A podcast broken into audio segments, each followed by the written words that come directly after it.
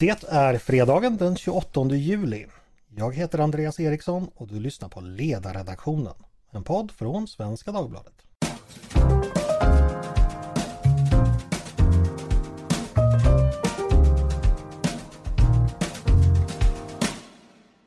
Varmt välkomna tillbaka till oss igen. Det är ju fredag igen och det är dags för podd igen. Vi har gått in i rötmånaden, hundmånaden, då såväl rykten som livsmedel kan växa till sig på de mest oväntade och obehagliga sätt. Vakta era sår i dessa dagar när högsommarens hetta möter sensommarens fukt.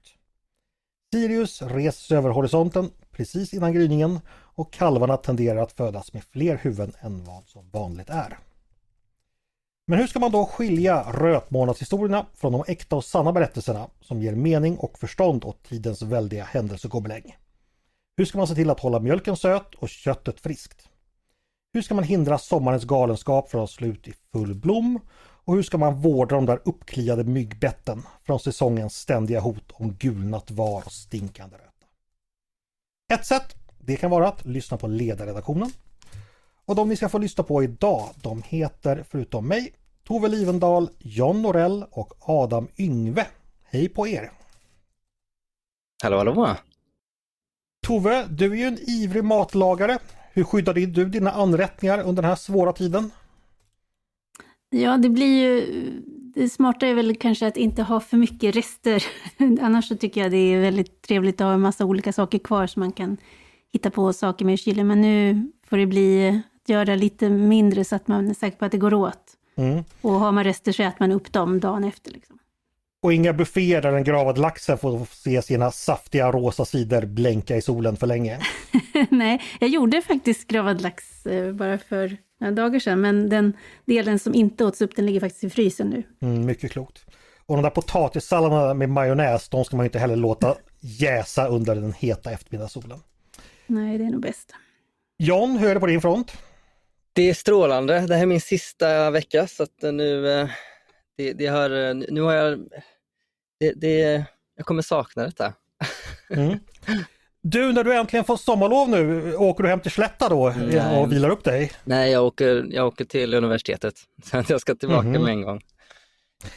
Du, eh, nu när jag no har rest. en fellow skaraborgare här. Ja, du, när jag har en fellow skaraborgare här. Mm -hmm. Har du hört den där eh, låten, eh, den där snubben som gör en cover på Johnny Cash låt I've been everywhere men ja. bara har Skaraborgsstäder? Absolut, gud det har jag gjort. Eh, ja. den får du, vi får hoppas att Jesper kan spela lite av det. Jo, det går nog. Vi, vi, vi kan lyssna lite. Jag gick risigt trött och dan på den långa skara vägen. När det kom en riktigt stor bil med ett långt släp fick jag se sen. Om du ska till Skara pojk så kan du åka mig bak. Knappast första gången som jag åkte på ett lastbilsflak. Han undrar om jag sett en väg så in i full i skit. Så jag sa lyssna. Jag har åkt på varje väg i Skaraborg. Jag har varit överallt ser du. Jag har varit överallt ser du. Korsat bara slätta ser du. Låt mig nu berätta du. Jag har rest en del i mina dagar. Lyssna nu tills jag är klar. Jag har varit i Skara, Vara, Lidköping, Hägersten, Tråva, Götene, Röttene, Vedum, Kedum, Kollasö, Trästberg, Mösseberg, Falköping, Örslesta, Ottersta, Lövene, Levene, Herrene, Soleby, Såtenäs, Grästorp, Kinnekläva, Kinnekulle, Kinnevik. Wow! wow, ni är tagna va? Ja, jag har inte varit i alla ställen, men, men många. Ja, och jag har varit i rätt många av dem där också ska jag säga. Hur kommer det sig Tove? Har du också rest på den grisiga ska Skaravägen? Jag har släkt på slätta. det låter bra det. Adam, eh, du är ju, befinner dig i Linköping, mm. något helt annat än Läschköping, eller Lisch som ungdomarna säger. Mm. Eh, hur har du det där Adam? Det är mycket bra. Det är mm. sommarregn som faller utanför fönstret. Men eh, utmärkt här inombords. Mm. Jag åkte på stryk en gång i Linköping och jag har aldrig riktigt kunnat förlåta stan för det. Men mm. det finns säkert goda sidor av den också. Polisanmälan. förresten, eh, du kanske är för ung för det, men minns du, minns du Handskmannen i Linköping? Nej. Nej, den tillhör ett annat tid och ett annat liv. Vi, vi lämnar det till, till fantasin. Introducing Wondersweet from Bluehost.com Website creation is hard, but now with Bluehost, you can answer a few simple questions about your business and get a unique WordPress website or store right away. From there, you can customize your design, colors, and content. And Bluehost automatically helps you get found in search engines like Google and Bing. From step-by-step guidance to suggested plugins, Bluehost makes WordPress wonderful for everyone. Go to bluehost.com/wondersuite. Vi ska ta igång med veckans ämnen tänkte jag. Eh, och då ska vi göra det med ett ämne som vi har pratat om många, många, många gånger tidigare. Enligt Tove så är det del 47 av Svenska Dagbladets ledarredaktions serie Vi diskuterar koranbränningar och deras konsekvenser. Det kanske det inte är, men det börjar bli en nästan lika lång serie som TV-sportens långkörare Thomas Johansson får stryk av Alexander Karelin. Sedan sist har en del hänt. Eh, protesterna mot Sverige och att bränningar av Koranen tillåts här Eh, har under sommaren kommit från flera länder. Irak har ju förklarat att den svenska ambassadören icke är önskvärd där längre. Iran har förklarat att man inte kommer släppa in någon ny svensk ambassadör. Och flera andra länder eh, i den muslimska världen har också kallat upp svenska diplomater för samtal. Detta har också påverkat hotbilden mot Sverige. I onsdags höll ministern för civilt försvar, Carl-Oskar Bolin, en presskonferens om detta. Då sa han så här. Reaktionerna mot Sverige har varit kraftiga från enskilda individer och nätverk utanför Sverige samt företrädare för flera arabisktalande och muslimska länder. Vissa aktörer utanför Sverige sprider och förstärker felaktiga påståenden om att Sverige som stat skulle ligga bakom skändningen av kopior av heliga skrifter. Och Myndigheten för psykologiskt försvar var också med och de kunde berätta att Sverige sedan en längre tid utgör måltavla för islamistisk informationspåverkan. Igår, torsdag, då var det justitieminister Gunnar Strömmers tur att ha presskonferens. Då sa han så här. Vi har ett allvarligt säkerhetsläge. Den senaste tidens aktioner med eldning av kopior av Koranen och protester i den muslimska världen har enligt Säkerhetspolisen lett till ett försämrat säkerhetsläge. Regeringsuppdraget blir ett viktigt steg i att stärka samlade, Sveriges samlade arbete mot terrorism och våldsbejakande extremism. Sa alltså justitieminister Gunnar Strömmer i samband med att han gav ett antal myndigheter uppdrag att handskas med det här säkerhetshotet. Eh, var ska vi då börja? Eh, jag tänkte börja med, med Tove. Uppenbart har vi en hotbild mot Sverige på grund av det som har skett. Har regeringen handskats med händelserna och den efterföljande hotbilden på ett bra sätt, tycker du Tove? Ja, eh, på det stora hela. Sen kan man liksom ha så här enskildheter, men ja, det tycker jag. Jag tycker att man, man så här, håller sig ganska lugn och försöker liksom reda ut vad som är vad. Jag tycker det är betryggande att höra justitieministern. Jag är väldigt tacksam för att det är just Gunnar Strömmer som är justitieminister och inte eh, den förutvarande justitieministern som är justitieminister i detta läge. Och det handlar ju om att försöka skilja på olika saker. Det finns ju en, en ett arbete som pågår på justitiedepartementet där man tittar på lagstiftningen, eh, vilket jag tycker att man ska göra. Ehm, men eh, samtidigt så är det inte så att jag uppfattar att man, man handlar i affekt eller liksom eh, handlar i panik. Så att jag, på det stora hela så tycker jag nog att det är, det är samlat. Okej, okay, om vi tar det där med, med lagstiftningsbiten för att flera ministrar, senast Johan Persson igår tror jag det var, han har ju öppnat för någon slags översyn av ordningslagen i, i ja, för att se om tillstånd för koranbränning ska kunna vägras mot bakgrund av säkerhetsläget. Ganska vag diskussion än så länge men Tove, är det en rätt väg att gå tror du? Alltså jag har ju skrivit om det här några gånger och eh, jag gör ju, det, det är så här, vi kommer ju då till en punkt där man pratar om, är det här inne, skulle det innebära att jag inte får bränna en koran var som helst och när som helst? Är det en inskränkning av yttrandefriheten? Och jag betraktar det inte som så. Jag har tittat på eh, hur vi i övrigt hanterar ordningsfrågor eh, och det är ju liksom, man skulle kunna säga så här att en del säger så här, yttrandefriheten är helig i Sverige. Det är den ju inte därför att den inskränks av bland annat ordningslagen. Om jag säger att jag till exempel vill demonstrera mot klädnormen genom att gå runt naken, så kommer jag inte att få göra det hur som helst. Så vi har inskränkningar för yttrandefriheten idag. Om den vore helig, då skulle vi också argumentera för att vi borde skippa hets mot folkgrupp, förtal och sådana saker, därför att den kan inte vara lite helig. Antingen så är den helig eller också är den inte det. Och jag menar ju då att, att, eh, som jag har argumenterat för tidigare, att man behöver titta på omständigheterna. Nu har det ansökts, jag vet inte om det hördes jag hörde senast idag, om jag tror det är sju olika ansökningar som ligger inne om att få bränna eh, heliga skrifter.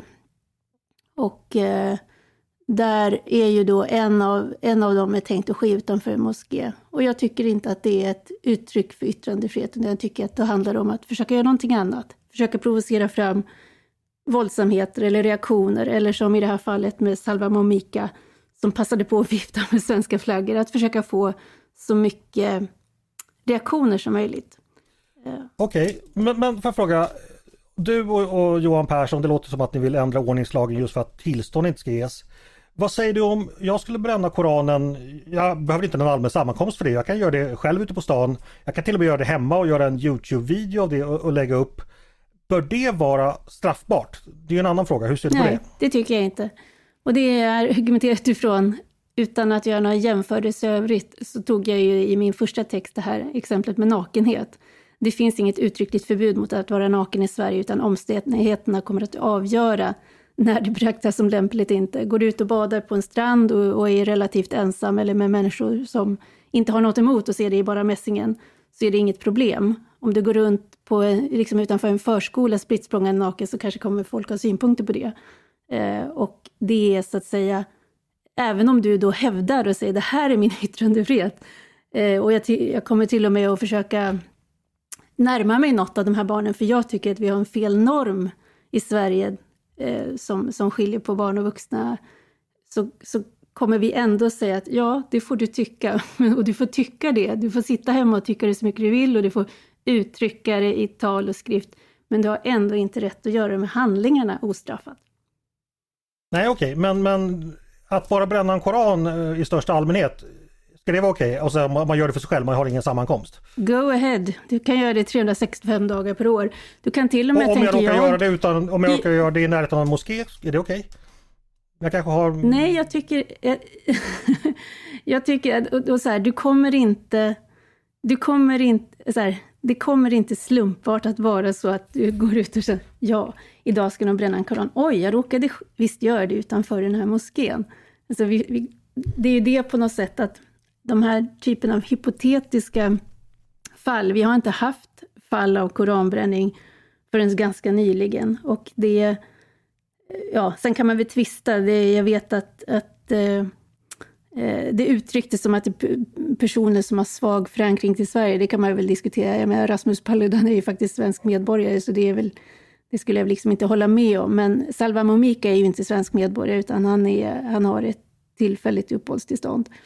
Men, men det här är liksom inte yttringar eller handlingar som bara, som, som bara i sig är någonting som sker, utan de har ju ett syfte. Mm.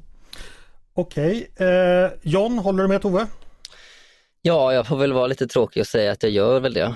Um, jag tänker nog inte att det är uh, klokt i alla tillfällen att, uh, att um, Eh, Eh, varken förbjuda eller tillåta eh, liksom, rent, rent så principiellt. För, alltså för mig är det så här, folk pratar om heliga skrifter, jag tänker så det är religiösa skrifter men, men det är inte för mig några heliga skrifter. Eh, men ehm, ja, eh, om jag sitter inne på mitt, på mitt rum och, och, och bränner en bok, ja det är, ja, det är dumt att bränna böcker men men det låter lite på Tova att hon, hon vill sy in mig ifall jag bränner en eh, koran på fel ställe på stan. Mm. Så att säga. Det, det kan jag göra men om jag gör det så att det verkar misstänkt nära en moské, då ska jag ändå få fängelse för förargelseväckande beteende. Håller du med om det John?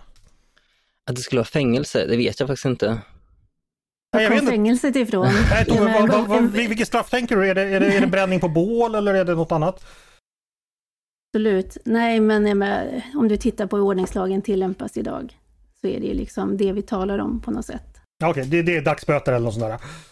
Ja, det är det väl. Och sen beror det ju på vad du... Jag menar, återigen, om yttrandefriheten är helig, då kanske vi ska ta bort hets mot folkgrupp. Men annars så skulle man ju kunna tänka sig att den som står och uttrycker att en grupp borde liksom likvideras eller sådär, jag menar, beroende på grovheten, det har vi ju rättsväsendet till att bedöma grovheten i mina handlingar.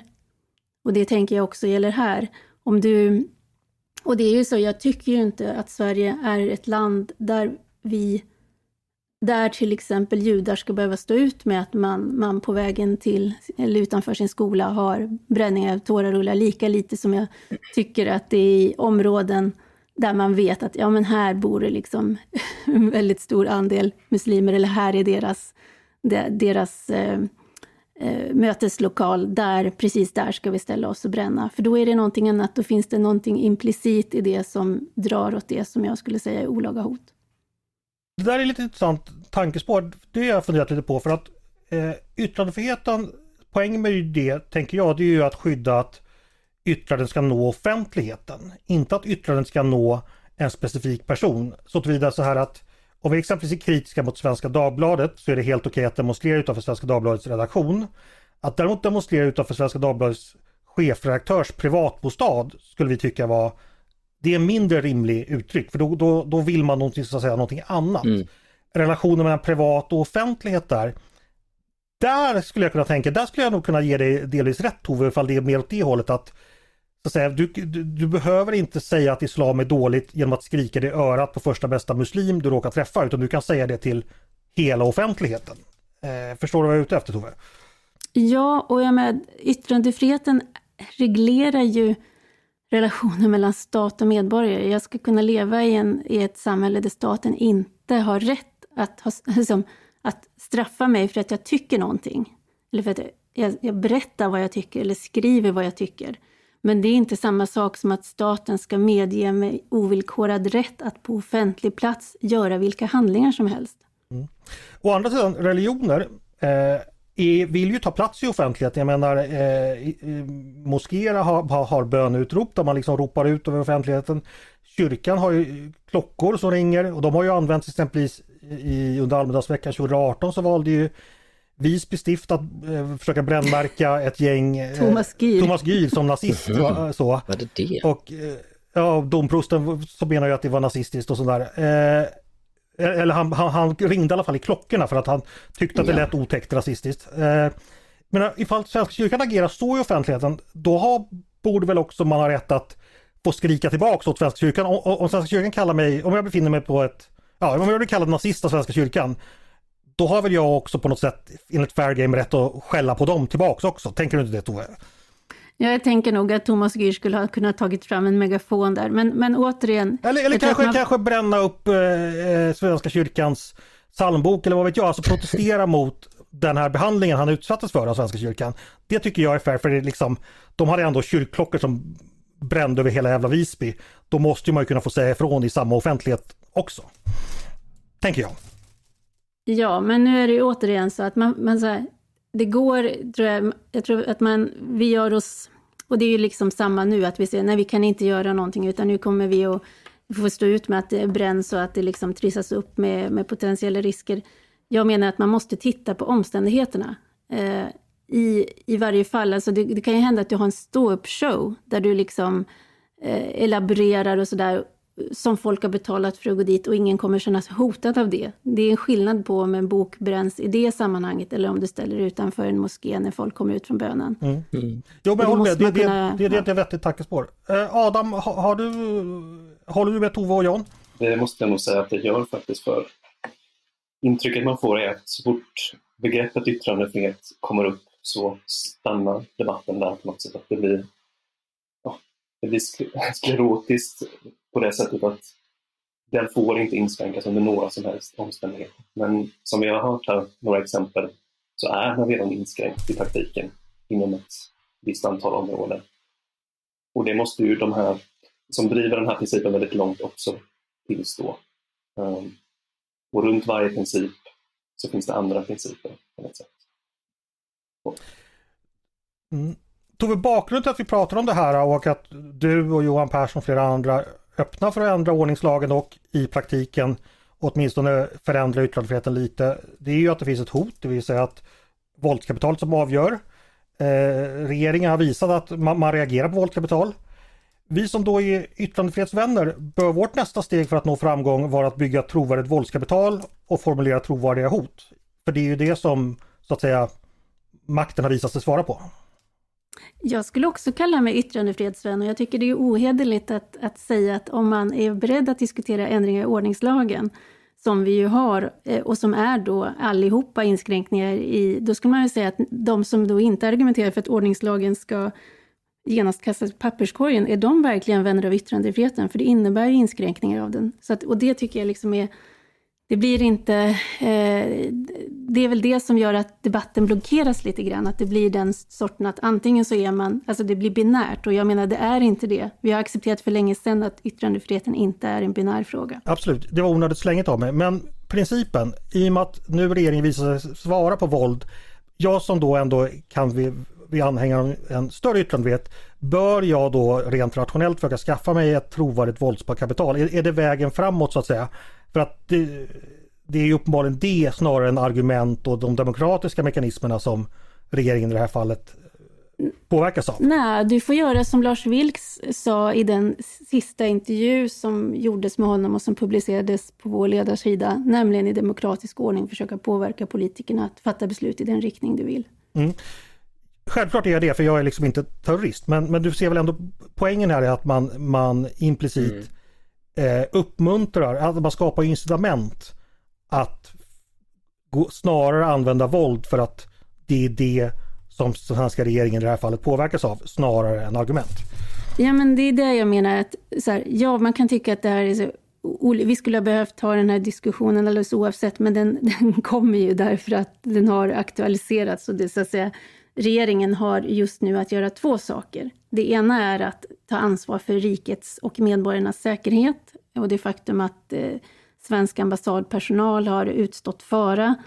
Så det är liksom den ena saken som regeringen måste göra. Den andra saken, om man ska försöka hålla isär dem så gott det går, det är att säga okej, okay, det har aktualiserats en fråga här nu om vi, vi ska vara ett slags eh, fritidsgård för, för opinionsyttringar som i sig skapar, drar enorma resurser och liksom så här, skapar potentiella hot. Hur gör vi det?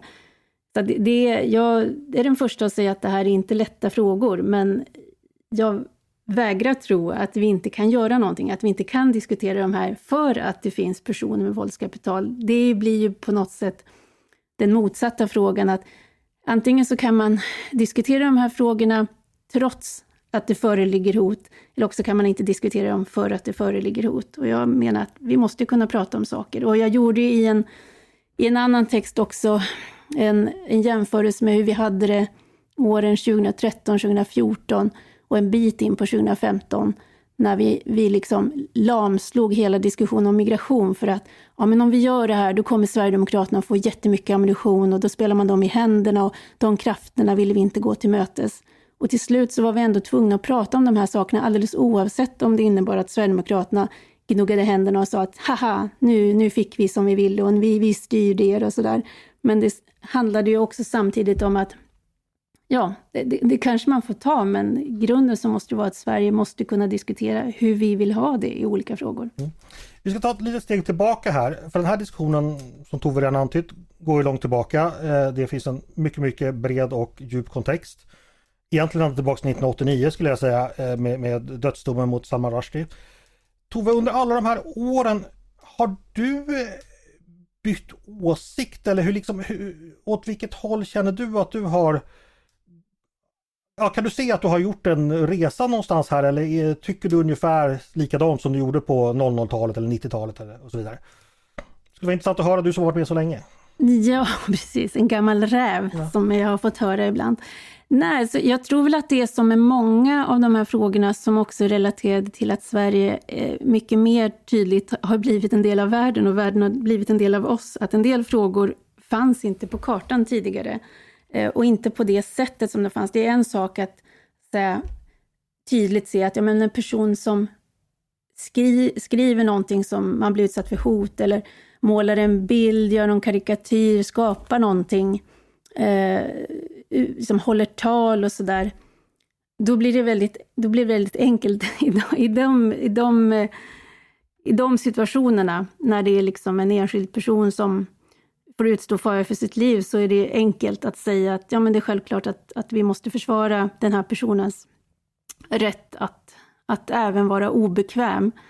Eh, och jag menar ju att det, för mig är det liksom yttrandefrihet, att du som medborgare då inte, du ska inte inskränkas av din stat att få framföra dina argument.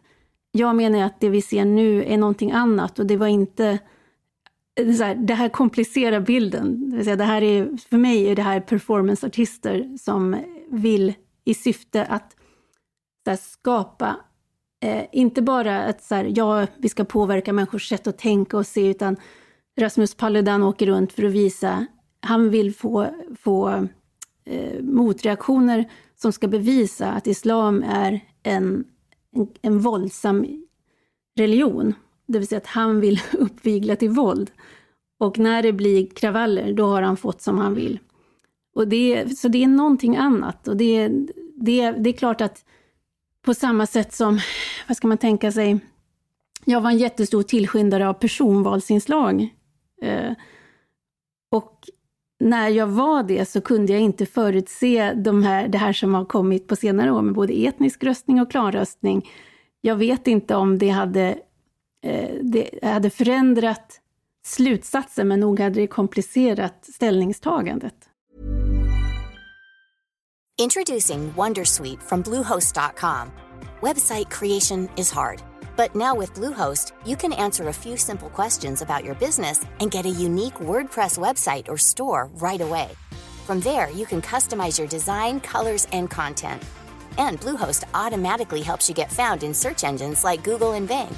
From step-by-step guidance to suggested plugins, Bluehost makes WordPress wonderful for everyone. Go to bluehost.com/wondersuite. Vi ska återkomma snart till lite det där med Paludan. Jag ska bara kolla med dig John. Eh, Morgan Johansson har gett sig in i debatten. Ni vet mannen som gjorde Sverige narkotikafritt 2012. Ja, just det. Ja. Eh, han är missnöjd med regeringens agerande och tycker att ja, man skulle visa, lite oklart med vad, men, men man skulle visa tydligare ledarskap från regeringens sida. John, tycker du att Morgan Johansson har anledning att vara missnöjd eller har han någon poäng? Så, nej, det tycker jag nog inte riktigt. Och jag förstod det som att eh, när de sen kallade in utrikesutskottet eh, att eh, det var full bänk förutom hos sossarna. Det var, det var två stycken som inte var på plats och de hade inte tagit in suppleanter.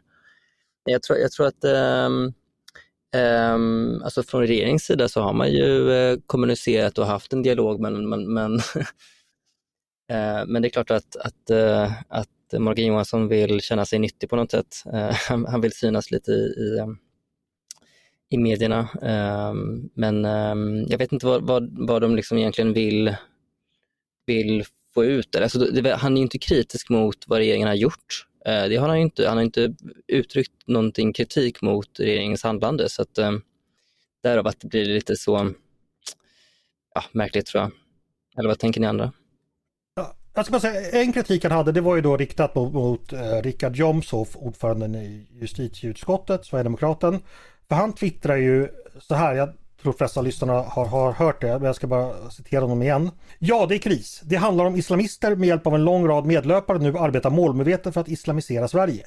Jag håller med om att vi behöver en bredare dialog. En dialog om hur vi ska demokratisera den muslimska världen. Eller varför inte en dialog om islam, denna antidemokratiska, våldsförespråkande och kvinnofientliga religion, eh, snedslag eh, ideologi, grundad av krigsherren, massmördaren, slavhandlaren och rövaren Muhammed.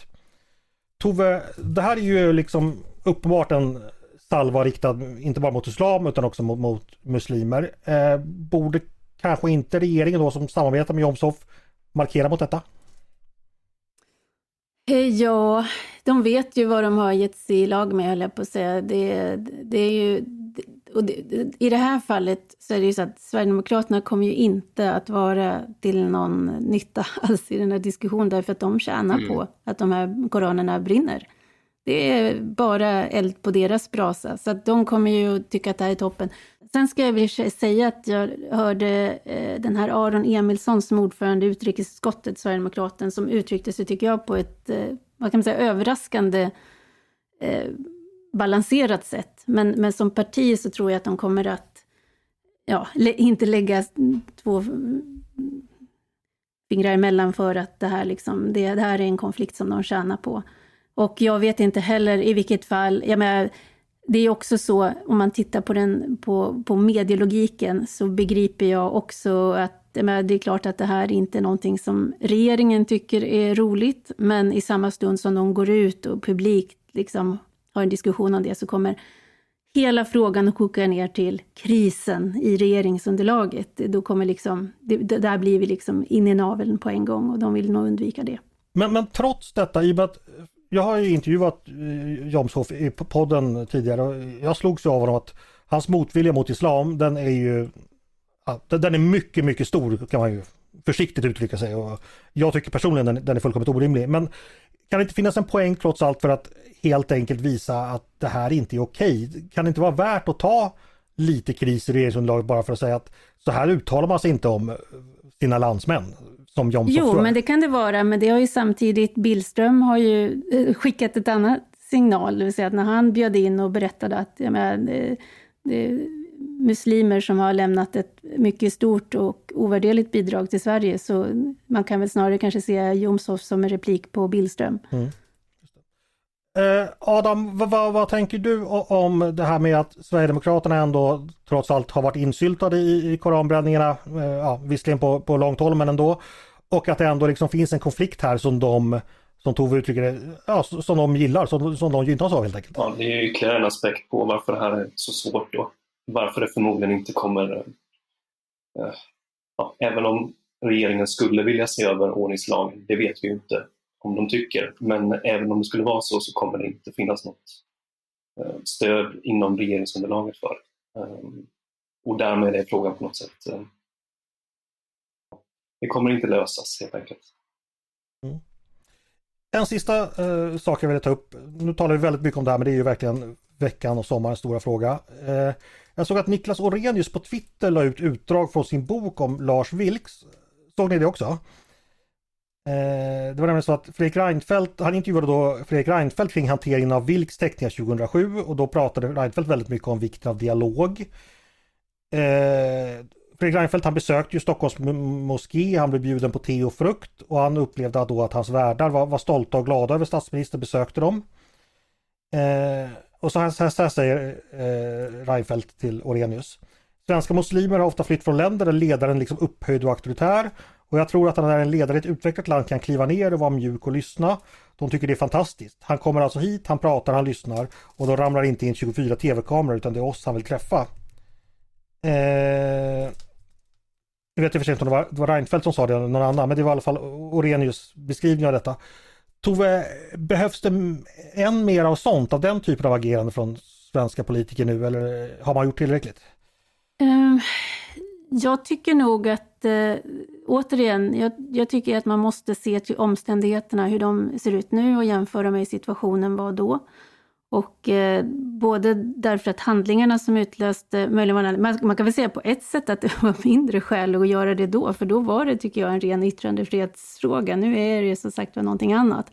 Men ja, jag skulle nog säga att just i det här läget, när, när eh, eh, länder har misslyckats med att ens erbjuda svenska medborgare på ambassader liksom fullgott skydd och säkerhet, så vet jag inte om det är rätt signal att liksom första hand säga att ja, men nu måste vi prata om det här. Eh, det, det är liksom, om var och sköter sitt först så kan man ju ta en dialog sen. Sen vet jag ju att det, de hade ju det här eh, ska man säga, ekumeniska mötet för inte så länge sedan och jag, jag tror liksom inte att det har varit... Alltså det, det finns ingen... Det har inte varit någon otydlighet ifrån svensk regering om att eh, muslimer ska känna sig trygga i Sverige. Men, men eh, med tanke på de här ländernas hot nu så vet jag 17 om jag tycker att det vore rätt signal. Mm. Eh, för, för det, det, är ju också så att eh, Muharrem Demirok, Centerpartiets ledare, han var ju i Stockholms moské i, i veckan. Och eh, det har han blivit kritiserad för, bland annat Nalin Baksi. Eh, han kritiserade honom på Twitter och det är ganska intressant. Ni som har Twitter får gärna gå in och läsa den diskussionen de har, eh, eh Demirok och Baxi kring detta. För att eh, då finns det ju då, det finns ju alltid den här risken då när man ska så att säga möta den muslimska världen så möter man några ledare och sen blir det liksom som att de ska symbolisera mängder med människor Mm. och, och, och företräda dem när de i själva verket är väldigt begränsade kretsar som kanske inte alls är representativ för den, den stora gruppen. Eh, Tove, det känner vi igen att så har skett tidigare. Absolut.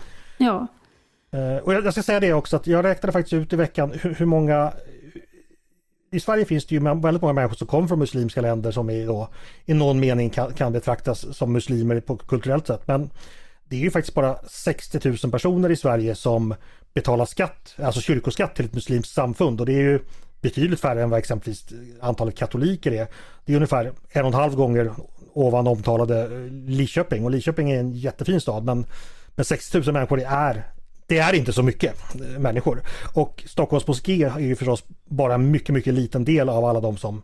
Så det är ju några tusen personer de här religiösa ledarna talar om. Och jag, jag tycker det finns ofta liksom närmast ett närmast kolonialt perspektiv där att för Mm. mig till er hövding så ska jag tala med er alla liksom. Alltså, det, alltså muslimer precis som alla andra svenskar har ju inte ledare i den meningen utan man tänker och tycker och känner själv naturligtvis. Eh, exakt. Och inte minst, eh, kanske, kanske i ännu större utsträckning de muslimer som har valt att flytta till Sverige, ska jag säga. Men sen finns det ju, det, jag bara lägga till två perspektiv som jag kan rekommendera. Det ena är en text, eh, för det här är ju, ett, det är ju vi skämtade innan vi började, så att det är så kom, ko- koranbränningskomplexet, den här stora frågor, för det är så många frågor som möts i ett och det är det också som delvis gör det svårt att diskutera för att det är, det är, det är, många, det är en skärningspunkt för många frågor. Men två, två olika infallsvinklar. Det ena ges ju idag av Hanna Hellqvist som tidigare kolumnist på sidan och som också var statssekreterare med ansvar för internationell, internationellt utvecklingsarbete som föreslår att man ska strypa biståndet till Irak eh, med tanke på att eh, Irak eh, dels har uppvisat just den här oförmågan att, att eh, som dels arbeta med bistånd på ett vettigt sätt, men nu är det ju också så att de genom att sätta vår ambassad under förstörelse så pajar man ju också de bistånds, delvis de biståndsmedel som vi har skickat dit. Eh, och det också skulle vara en tydlig markering, även om det inte kommer att innebära ett jättestort avbräck ekonomiskt. Så det tycker jag är en, en aspekt på det hela. Att på något sätt eh, förvänta sig att de personer som finns i andra länder och nu hetsar det mot Sverige, att man liksom, på något sätt får möta dem varken med undfallenhet eller, eller dåligt självförtroende. Och det andra är en text som kommer imorgon av vår krönikör Fredrik Johansson och som, apropå det här nu att alla möjliga är ute och pratar om ansvar. det gör vi också, men, men eh, då också peka på ledarna för eh, samfunden här i Sverige. Civilsamhällesledare, de får också ta ansvar. Så det är inte bara liksom, i det här fallet, det är så lätt att vi på något sätt, ja, och kraven kommer på att regeringen måste gå ut och ta hand om alla. Nej, men är man ledare för ett samfund så har man ju också ett ansvar för hur man pratar med sina medlemmar om det som sker. Och kan informera om hur liksom, svensk lag ser ut och fungerar. Och det vet ju förstås också de ledningarna i de länder där det nu protesteras mot Sverige påminner Fredrik om. Så det tycker jag man kan läsa. Det ska man verkligen göra, det finns mycket att läsa. Eh, mycket att prata om också bollen, för nu har vi ägnat jättemycket tid åt den här frågan. Eh, vi ska raskt vidare till nästa ämne. Och då tänkte jag höra med John. Mhm. För det är så att du ville prata Pride sa du, Mm. som ju inleds på måndag. Eh, eller snarare hur den politiska diskussionen kring hbtq-frågor ser ut. Eh, och du, du har skrivit en text som inte är publicerad än. Eh, vad handlar den om och vad tänker du kring det här? Jo, eh, jag har, eh, Eh, jag har, det har lite grann skavt i, i mig det senaste, alltså, hur, i, i den liksom, de hbtq-frågor som diskuteras i offentligheten senaste, ja, kanske halvåret eller året och sådär. Eh, det har liksom diskuterats ehm, rätten att donera blod och eh, sagostunder med drag queens på bibliotek och sådär. Och i det stora hela så känns det som ganska, ganska perifera frågor om man, om man och eh, tolka mig rätt. Alltså det är inte så att jag, jag tycker ju att, att det är liksom rätt att inte diskriminera mot homosexuella mäns rätt att kunna ge blod. Liksom.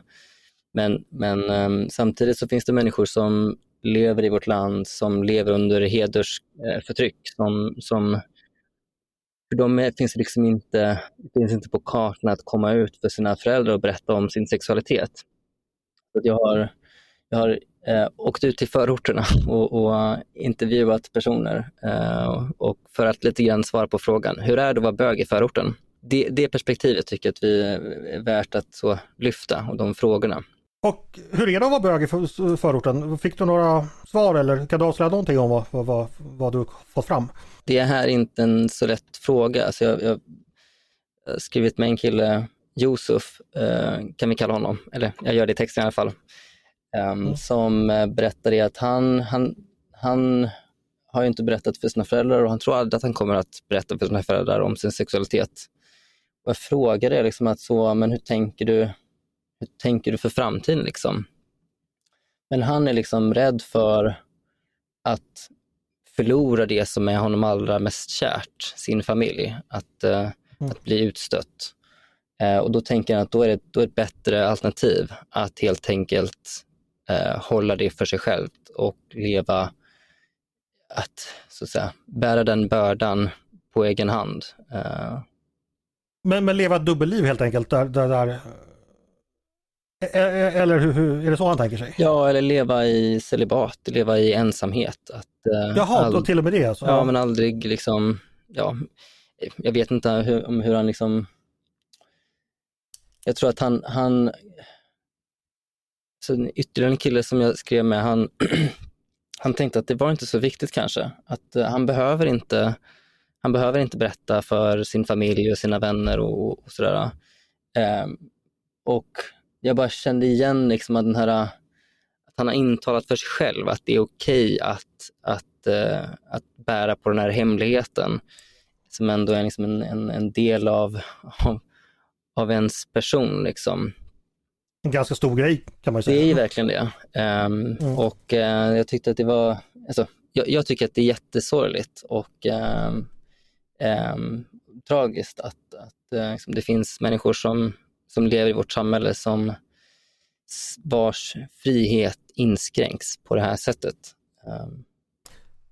Varför pratas det inte om dig i den utsträckningen du vill eller som, som du bedömer att det inte gör? Ja, dels de här personerna som drabbas är ju av kanske naturliga skäl att de inte vill prata öppet om det för att de riskerar ja, utfrysning, eh, hot om våld och sådär. Eh, men jag tror att en, en, lika stor anledning kan vara att vi är, resten av samhället, vi är rädda för att eh, rädda för att framstå som islamofobiska. Att vi mm. vill inte prata om... Det här gamla vanliga, att ja. eh, folk har så dåligt självförtroende i, i, i så att säga, sin ideolog, ideologi att de tror att de blir rasister om de Ja, och de enda som pratar om detta, eh, ändå enda ska jag inte säga, men, men det är ju liksom Sverigedemokrater som då får, får prata om, om det här. Liksom. Eh, det kom ut en serie nu, i, en dokumentärserie i SVT för nu i våras eh, som hette SD-bögar. Och där får man liksom mm. följa ett antal personer som är politiker och sympatis sympatisörer till Sverigedemokraterna som som får, och det är liksom vad de säger då, liksom att, att det stora hotet mot eh, homosexuellas frihet och rättigheter, det är islam. Um, och um, den går inte egentligen in på liksom, djupet i deras, vad de säger, men, men det framgår också väldigt tydligt i den här serien att det här, det här engagemanget för, för eh, hbtq-personers situation är ju inte genuint hos Sverigedemokraterna. Alltså de vill ju samtidigt eh, begränsa möjligheten för, för, personer som flyr från länder där man riskerar att stenas för att, man, för, ja, att ha samkönat sex. Man vill, man vill begränsa deras möjlighet att kunna komma hit till Sverige eller komma till, eh, kunna få eh, skydd. Eh, så då, då rimmar ju de där, det, det, det ringer falskt eh, i, i vad de säger. Tove, vad tänker du om det här? Eh, John säger att det här är ett om område som är stort, det är viktigt problem för väldigt många människor. Vi har inte uppmärksammat det riktigt i den utsträckning vi kanske borde. Är det en analys du delar? Ja, jag tycker att det är, det är så här, om man verkligen, jag tycker Johns poäng är den viktiga är att om man nu skulle på något sätt försöka gradera olika frågor som lyfts när det gäller hbtq, eh, communityt eller vad man ska säga, då är ju det här liksom en slags basal kan du vara i Sverige och känna trygghet för att du får vara den du är. Eh, och innan det liksom är på plats så kan man ju möjligen tycka att andra frågor känns mindre. Och det, jag läste ju någon text, jag skrev om det för eh, någon månad sedan tror jag. Det var en debattartikel artikel i Aftonbladet av en Adam Ivehag som just lyfte det här och konstaterade att ja, det, det paradoxala att åker han till Rissne så är han inte trygg som homosexuell. Eh, åker han till Södermalm så är han trygg som homosexuell, men han kan inte prata om hoten i Rissne, för då blir han utpekad som just, eh, som John var inne på. Som... Stackars fan, han är inte trygg någonstans alltså? Nej, precis. Nej, men och, och det är ju det är någon slags defekt här, att vi inte kan tala om saker som de är, utan eh, det, det blir liksom... I, i, det, I den meningen kan man undra, och liksom, jag brukar tänka att vi har kommit längre, och det har vi. Jag brukar argumentera för det, att, att den svenska åsiktskorridoren ändå får lite bredare liksom, mer högt i tak och sådär. Men ibland så är det vissa sådana där låsningar som vi inte tycks komma förbi. Men, men Tove och John, gör inte ni det lite skyldiga till när ni säger att den här frågan är så viktig så det är konstigt att prata om andra frågor. Jag minns på den långt, långt, långt, långt tillbaka var jag med, med i ett parti som hette Folkpartiet. Och varje gång man hävdade då att vi borde avskaffa Systembolaget för det är en frihetsinskränkning, då fick man alltid höra att hur kan du bry dig om den lilla pyttefrågan när det är diktatur på Kuba? Vet skäms liksom det finns väl också, man, man har väl rätt att också bry sig om bloddonationer eller liksom sagostunder även fast det här förtrycket finns. Förstår ni vad jag menar? Absolut, men, men, då är, men, men det är väl just det där att om du och var och en får ju liksom på något sätt bli lycklig på sin fason och driva de frågor som är viktiga. Men Välja den kulle det... man vill dö på. kanske så. Ja. Men, men det är ju också... Det är konstigt att det går att prata om blodtransfusioner men inte om det som upplevs vara ett existentiellt hot mm. mot homosexuella i vårt land. Är det inte så här enkelt, jag har sagt det tidigare, när det gäller den här typen av frihetsrörelser, exempelvis eh, hbtq-rörelsen, så är det i början allmänpolitiskt, för då vill man liksom ha samma rättigheter. Sen uppnås de stora segrarna, så att säga samma rättigheter, i alla fall legalt, även fast det finns annat. Då hoppar så att säga liberaler och högkrafter av, för då är de nöjda. Då återstår bara vänsterkrafter som vill liksom, och då börjar de driva identitetspolitik och särbehandling och sånt. Alltså jag brukar kalla det för det ideella engagemangets järnhårda lag. Att till slut kommer alltid vänsterkrafterna att vinna för de kommer alltid vilja gå längst. John, förstår du mitt resonemang? Ja, och eh, jag tror att det är definitivt... Köper du det? Ja, men jag gör nog det. Alltså det finns en väldigt god poäng där. Um, alltså det, alltså en, en, en, en grej här är också att, alltså jag vet inte, finns det en politisk lösning liksom vad gäller, vad gäller människors värderingar. Liksom. Eller, eller är det snarare, alltså, så finns det något liksom politiskt förslag eller reform som, som i detta för att hantera det? Jag vet inte. Um, mm. Det kanske snarare är liksom att, att, um, att uh, det här är frågor att diskutera i civilsamhället. Liksom. Jag vet inte. Så kan det vara. Eh, hörni, det är ett intressant ämne. Eh, vi får säkert anledning att återkomma till det. Eh, men nu ska vi hoppa vidare och då är det Adams tur. Och då vill du prata om en text som du skrev i veckan. I, när var det? I måndags var tror jag den publicerades ja. Som handlar om att polisen har en tuff sommar. Eh, berätta, hur är läget? Ja, där? precis. Det är ju alltid trevligt med sommar och så, men jag tror inte att eh, polisen är lika glad över den saken med tanke på det blottlägger en del strukturella problem som finns i vanliga fall som blir ännu mer tydliga just under sommaren. Eh, Så som? Ja, till exempel att det kommanderas mer och mer personal för att hantera grov gängbrottslighet, framförallt i Stockholm. Um, vilket innebär att de resurser som finns och som redan är knappa blir ännu mer knappa i lokalpolisområdena i andra delar av landet just under den här årstiden. Och då ska man ju ha med sig egentligen kanske att Eh, Eh, gängkriminalitet och så, det är ju någonting som vi alla är otroligt bekymrade över och det är jätteviktigt att polisen prioriterar det på det sätt som de gör. Men det är också viktigt att se lite eh, vad som pågår i bakgrunden just eh, vad gäller det som man brukar kalla för mängdbrott eller ännu snarare vardagsbrott som utgör ungefär 80 procent eller mer utav alla anmälda brott. vilket sällan det, det, får inte lika mycket uppmärksamhet. Och eh, din poäng i texten? Är det bara det att peka på att det här faktiskt finns eller vad eh, tänker du något ytterligare? Men tittar man på just mängdbrott, vad det egentligen handlar om, så är det ju egentligen inte bara cykelstölder och sånt här som man kan tro, utan det hänger faktiskt ihop lite grann med gängbrottsligheten i sig. Om man tittar på bedrägerier till exempel, eh, klassificeras som ett mängdbrott. Det är faktiskt en av de viktigaste Eh, inkomstkällorna för gängen. Eh, det handlar faktiskt inte bara om narkotikaförsäljning. Eh, det begås jättemycket brott mot företag och det kom en undersökning från Svenskt Näringsliv där man fick, man lät företagen beskriva hur kommunerna kan förbättra företagsklimatet. Och då handlar det inte om att kommunen behöver hantera liksom tillstånd och sånt här på ett mycket effektivt, mer effektivt sätt. Utan det handlar egentligen om brottsförebyggande åtgärder eh, som nästan tangerar den statliga nivån på något sätt. Det är på den nivån. Det har väl kommit förslag om att kommunerna borde få bilda egna poliser. Har ni hört det? Adam, känner du igen det? Ja, jag känner igen det. Eh, är det rätt väg att gå? Jag tror att det kommer att gå mer och mer åt det hållet med tanke på att kommunerna upphandlar mer och mer av ordningsvakter och liknande tjänster eh, som redan tangerar den gränsen om man säger så. Plus att eh, det kommer en ny lag som började gälla från och med 1 juli i år. Att eh, alla kommuner oavsett hur stora eller små de är ska ha ett eh, brottsförebyggande råd, eller strategiskt råd tror jag att det kallas. Eh, så att de är skyldiga enligt lag nu också att arbeta brottsförebyggande Eh, vilket man kan ha lite synpunkter på eh, vad en liten kommun ska göra.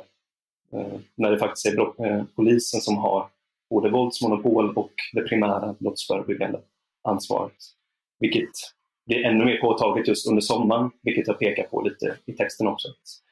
Det är många ungdomar som är, som är lediga från skolan, eh, vilket innebär att det är mycket unga personer i rörelse. Ja, kanske sent på kvällen och det finns alla möjligheter till nyrekrytering om man säger så, vilket är lite olyckligt. Kommunerna får ge folk sommarjobb som sysselsatta? Ja, exakt. Det skulle kunna vara ja. någonting. Just det. Eh, och den här texten publicerades alltså i, i eh, måndags, så den får man gärna läsa. Hörni, vi ska gå vidare och då är det dags för mitt favoritmoment. Det som heter Svar direkt, då jag stresstestar våra ledarskribenters politiska reflexer och förmåga att blixtsnabbt skilja gott från ont. Jag kan säga så här. Jag förstår att Aftonbladet Debatt gör sommaruppehåll. För det händer inte jättemycket just nu. Eh, de, som, de debattsidor som fortfarande är öppna de kör med artiklar av typen Vi borde fundera lite mer på det här eller vi borde prata lite mer om det här. Men jag hittade i alla fall en. Eh, och den, det hittade jag i, eh, på Expressens debattsida. Så här löd den. Följ Tysklands dundersuccé. Det menar Vänsterpartiets Anna Selin som är oppositionsregionråd i Stockholm och Linda Snecker som är trafikpolitisk talesperson för Vänsterpartiet. De skriver så här. Den tyska regeringen i maj införde ett månadskort som kostade 550 kronor och det gäller för all lokal och regional kollektivtrafik i hela landet. Det är svårt att beskriva den nya biljetten som något annat än en dundersuccé, både för klimatet och för folks prövade plånböcker. De här debattörerna vill alltså ha en svensk motsvarighet, att staten alltså ska pytsa in pengar för att skapa ett motsvarande kollektivtrafikkort som gäller hela Sverige. Vad tycker ni om det kära kollegor? Ett billigt kollektivtrafikkort trafikkort för hela Sverige subventionerat av staten? För eller emot? Jag vill ha svar direkt. Mot. Mot. Mot. Aha, Tove, varför är du ogin mot detta? Ja, jag blir lite Sagan och renhöger då och påpekar att det finns liksom inga gratis eller billiga. Det är, någon, det är liksom, gör man det här så får det en massa konsekvenser som man måste tänka över. Sen så har man ju slagit sönder också då det, det regionala kommunala självstyret där man då har hand om kollektivtrafik och det kan man ju i och för sig diskutera om man vill förstatliga det, men jag tror inte att det vore någon bra idé. Och sen är det ju det att det är som, som vanligt med sådana här generella åtgärder, att det kommer vara bra för en högljudd grupp som politikerna vill nå, och andra grupper hade gärna lagt pengarna på någonting annat. Eh, och jag var faktiskt i en diskussion under Almedalsveckan som handlade om ett, där det lyftes snarlikt förslag och då handlade det om att man för de unga skulle ha någon nationell rätt att åka gratis kollektivtrafik för att kunna ja, ha större rörelsefrihet och så vidare. Och då kan jag som är uppvuxen på landet eh, säga att det går inte att tänka sig en så utbyggd kollektivtrafik att det ändå är liksom en stor möjliggörare. Då skulle vi liksom, om vi skulle ha en turtäthet på landsbygden som ens var i närheten av den i staden, då skulle vi tala kostnader och där är det kanske en större frihetsreform att se över den här möjligheten att köra EPA och förbättra mm. den till exempel. Så att här finns, jag gillar inte sådana här stora generella presenter. De kommer med kostnader. Jag ska berätta då för lyssnarna att Tove, om ni inte visste det, härstammar ju från Hälsinglands susande skogar. Och tunnelbanan in till Ljusdal fick man vänta en timme på ibland. Så att hon är van.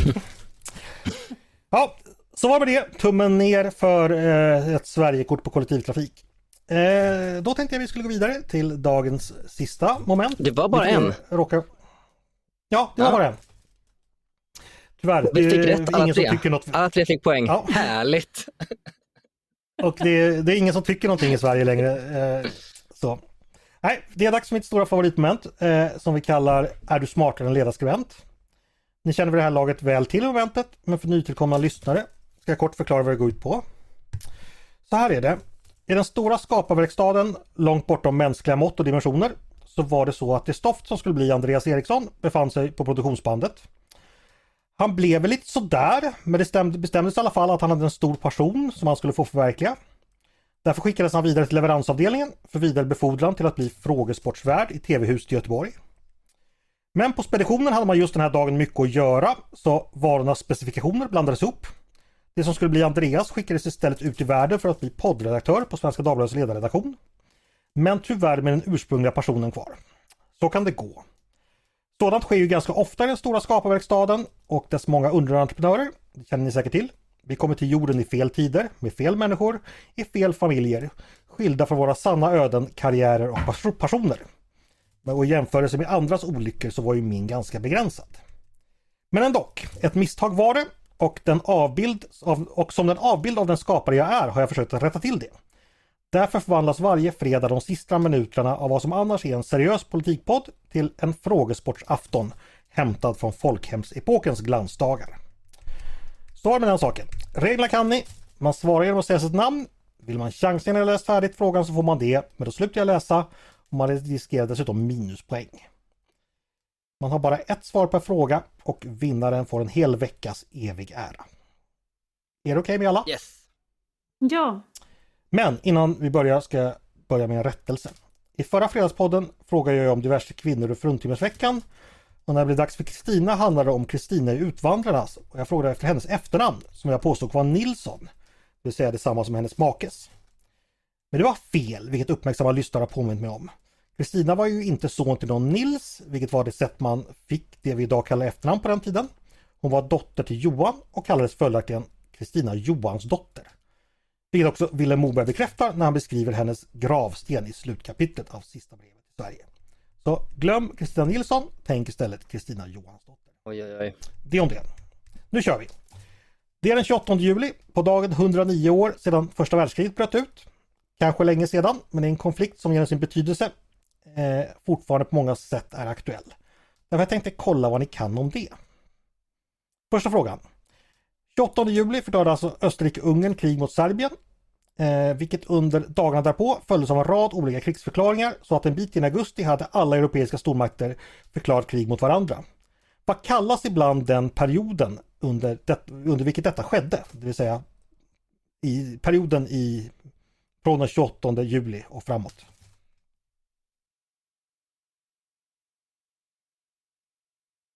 Ingen som minns detta? från skolan då, inte från när det hände. Nej, okay. Perioden efter kallades... 28 juli, John, ja, första världskriget. John. Ja, vad kallas den första veckan? Jaha, bara första veckan. Man kan chansa.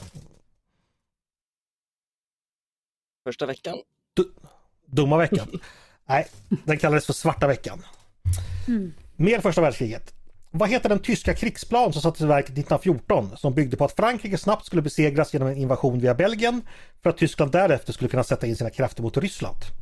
Planen har fått namn efter den tyska generalstabschefen som hade tagit fram den.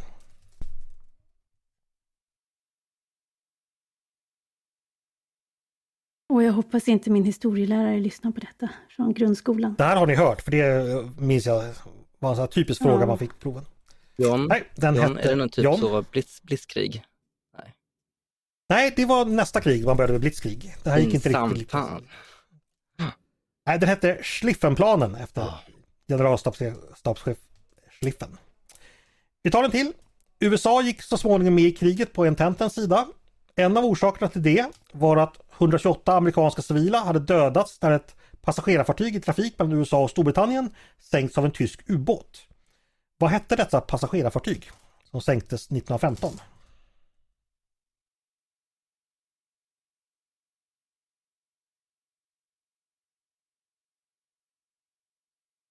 Det blev, tyst. Nej, det hette Lusitania. Hörrni, ska vi strunta i första världskriget? Vi är helt sänkta. Vi går vidare. Eh, I veckan fick vi tyvärr veta att den irländska sångerskan Sinéad O'Connor lämnat oss.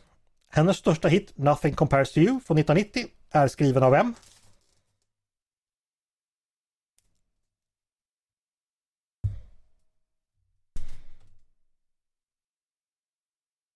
Tove, det här är vår generation. Jag vet, jag tänker bara på alla tryckare jag dansade till den.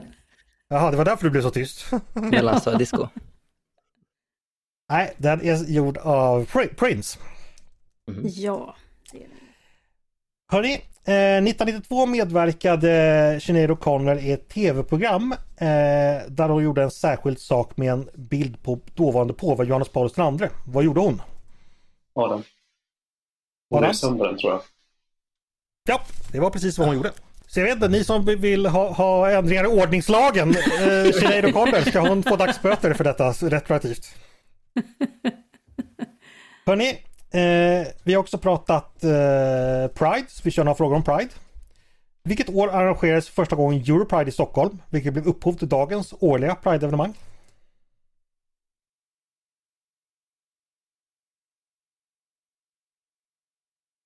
Ja, ni kan ju chansa i alla Ja, fall. för man får inga minuspoäng. Nej, nej, nej, det får man inte. Då får man väl dra till med något. 92. Oj. Jag gissar Nej, det var, Ja. det var fel. 2002. Nej, det var fel. 2010. Oj, det var Nej, sent. rätt svar var 19, 1998. Oj. Det har funnits föregångare, men just Pride började då. En till fråga om Pride. 2003 angreps Pride-paraden i Stockholm. Angreppet skedde vid slottet där en organisation samlas till en manifestation vars medverkande började kasta saker på paraden och misshandla deltagare.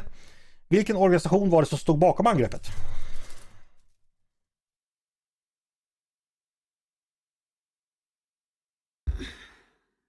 Så det måste, ja. 2003. Det var väldigt omtalat på sin tid där. Mm. En organisation som inte finns längre, tror jag. Mm. Svaret är att den hette Nationaldemokratisk ungdom och alltså var ungdomsförbund till Mm. Nationaldemokraterna som var ett parti som finns då.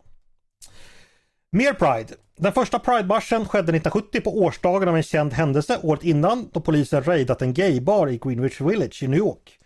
Vad hette den baren som också givit namn till de efterföljande protesterna? Man får chansa då. Då säger jag, Ja, chansa då på. säger jag Rainbow. Rainbow. Ja, det är inte dumt chansat. Jag förstår hur du tänker.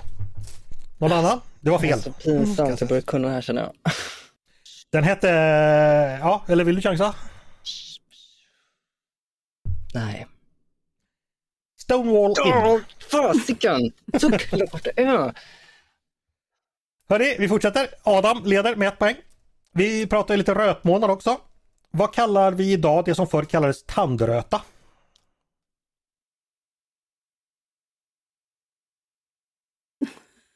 Man kan ju chansa. Handröta. Ja, men, vad, då, eh, vadå? Är det ett vanligt handverk eller? Nej, inte riktigt. John? John? ja, kan det vara, kan det vara eller, karies kanske? Jo, men det är klart det är!